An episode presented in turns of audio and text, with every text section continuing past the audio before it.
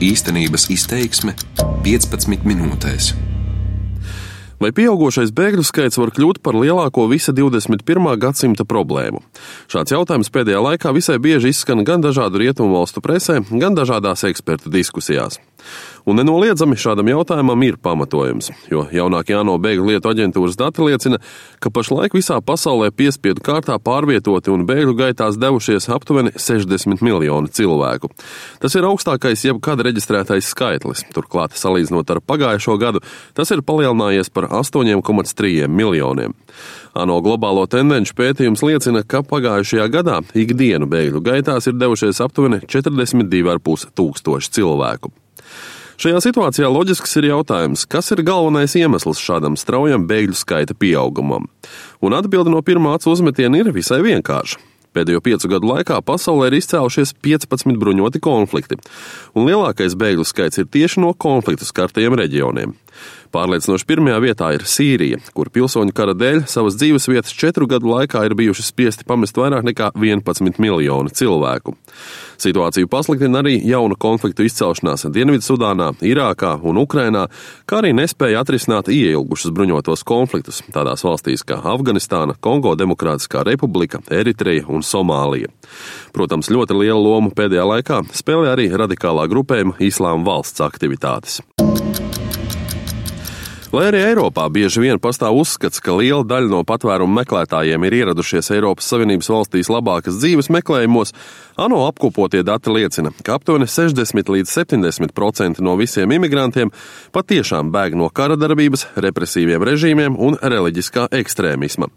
Tieši tāpēc šiem cilvēkiem ir visas likumīgās tiesības saņemt bēgļa statusu Eiropā. Uz to preses konferencē Ženēvā norādīja arī ANO komisariāta bēgļu jautājumos direktors Eiropā Vincents Košetels. The vast majority of the people arriving in Greece Lielākā daļa no cilvēkiem, kas ierodas Grieķijā, bēg no valstīm, kuras piedzīvo karu vai cilvēktiesību pārkāpumus. Galvenokārt tās ir Sīrija, Afganistāna un Irāka. Šī bēgļiem ir ārkārtas situācija. Mēs esam nedaudz noguruši no ziņojumiem par to, ka mēs piedzīvojam migrantu krīzi.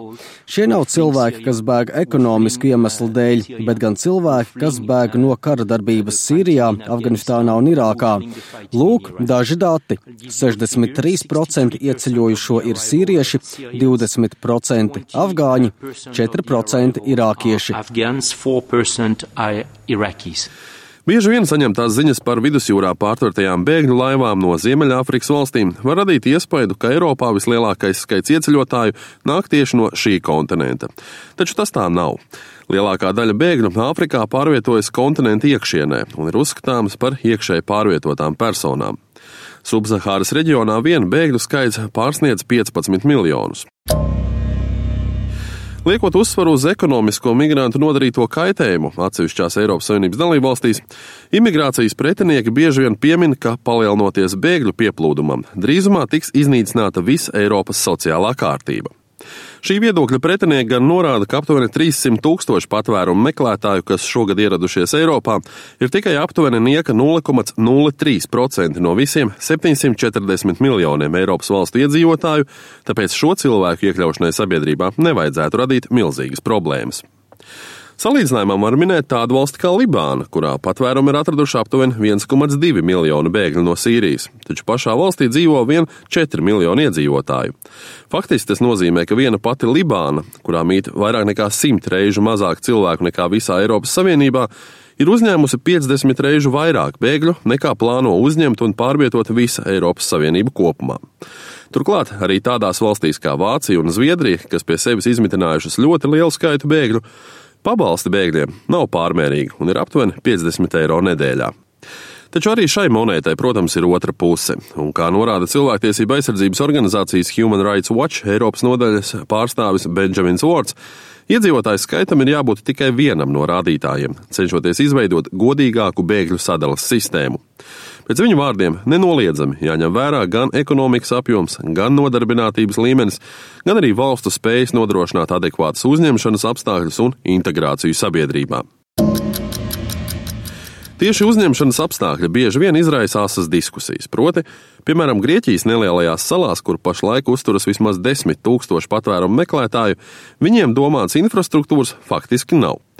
Lai arī Grieķijas varas iestādes atzīst, ka līdz šim saņemtā Eiropas Savienības nauda nav izlietota visai lietderīgi, un ekonomisko problēmu dēļ bēgļu jautājumam nav pievērsts pienācīgi daudz uzmanības, No otras puses var teikt, ka nebūtu īpaši liederīgi katru nelielo salu saulēcīgi aprīkot ar bēgļiem nepieciešamo infrastruktūru - nometnēm, toaletēm, dušām un tā tālāk.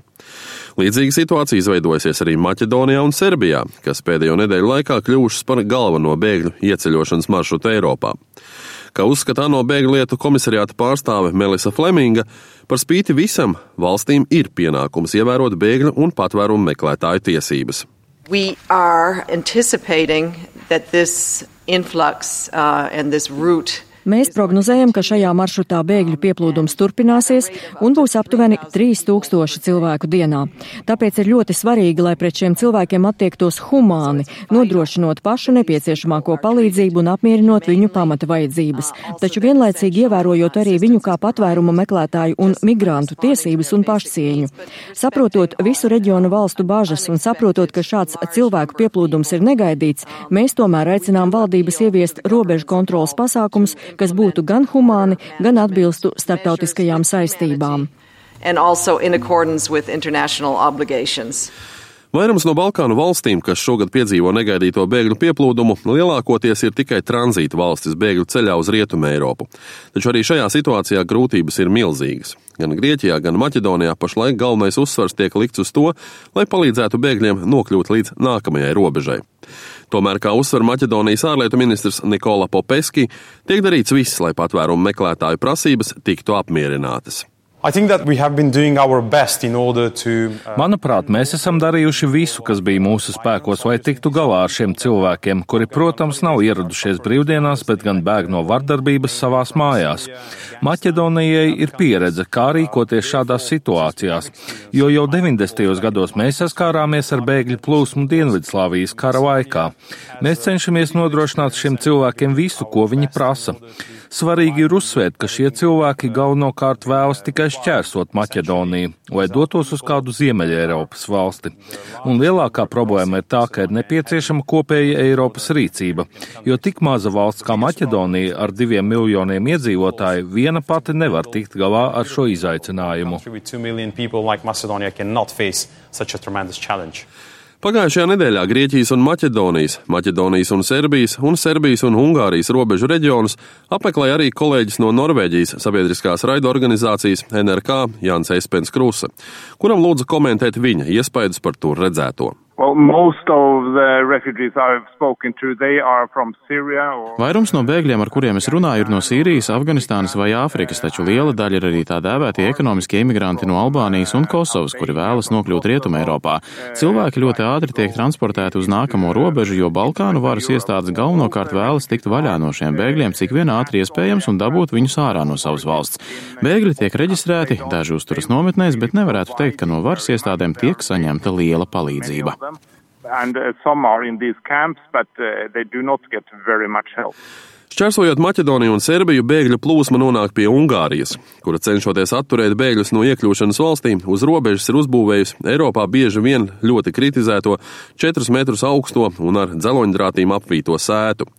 Kā liecina ārvalstu žurnālistu uzfilmētie materiāli, tas gan netraucē bēgļiem izlīst sētai papakšu un censies aizbēgt no Ungāru policistiem.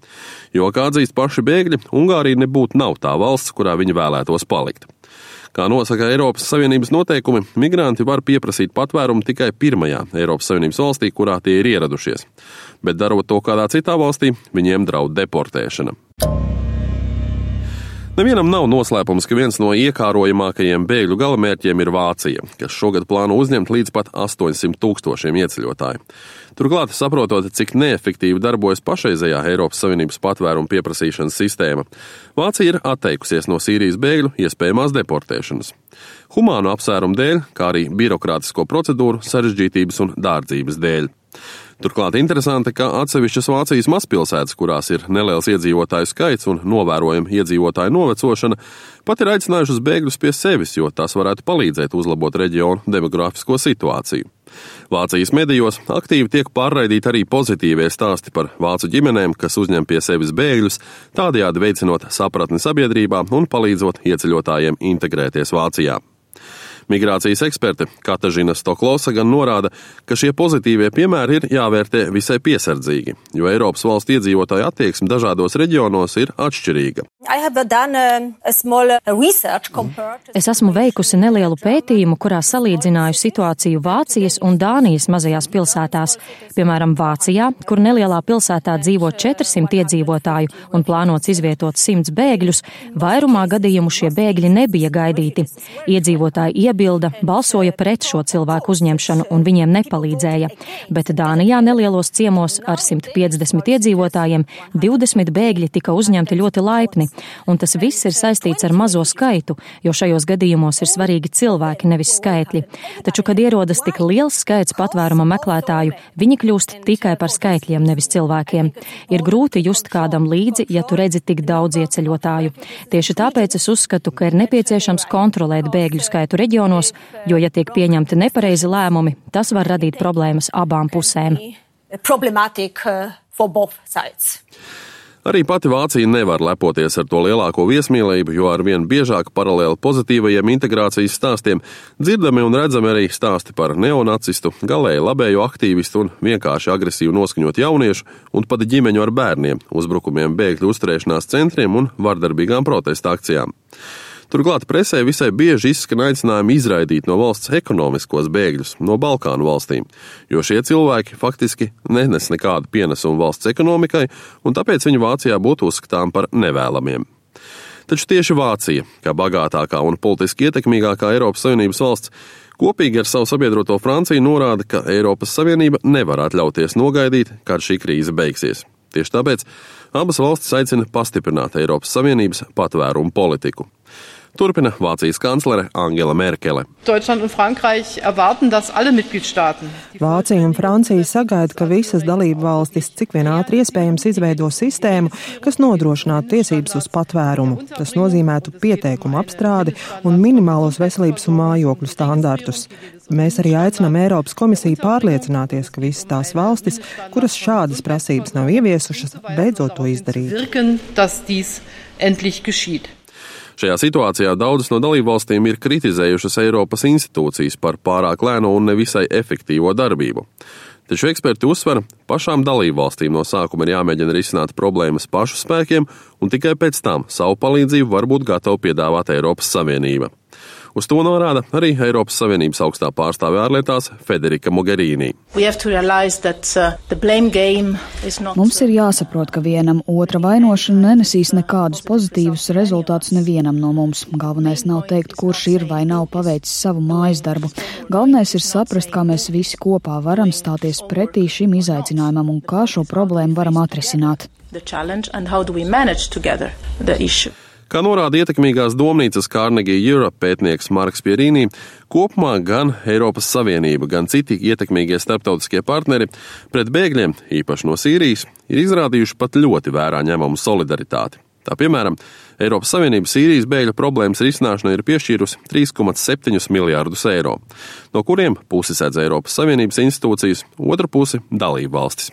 Tāpat ir izveidots Madada Trasta fonds, kura mērķis ir piesaistīt lielāku palīdzību krīzes pārvarēšanai. Par spīti šiem centieniem ANO aprēķina liecina, ka līdz jūlijam bija izdevies iegūt vienu aptuveni ceturto daļu no šajā gadā nepieciešamā finansējuma. Eksperts arī uzsver, ka, diemžēl, līdz šim bēgļi ir uztverti kā pagaidu ārkārtas stāvoklis. Pēc pētnieku vārdiem ir pienācis laiks saprast, ka bēgļu krīze vairs nav īstermiņa reģionāla krīze, bet gan ilgtermiņa starptautiska problēma, uz kuru ir nepieciešams atrast koordinētu atbildi. Tā kā dažādiem reģionālajiem bruņotajiem konfliktiem, tostarp konfliktam Ukrainas austrumos, visticamāk, tuvākajā laikā nebūs iespējams atrast ne militārus, ne politiskus risinājumus, ir nepieciešams jau laikus domāt par ilgtermiņa globālu stratēģiju.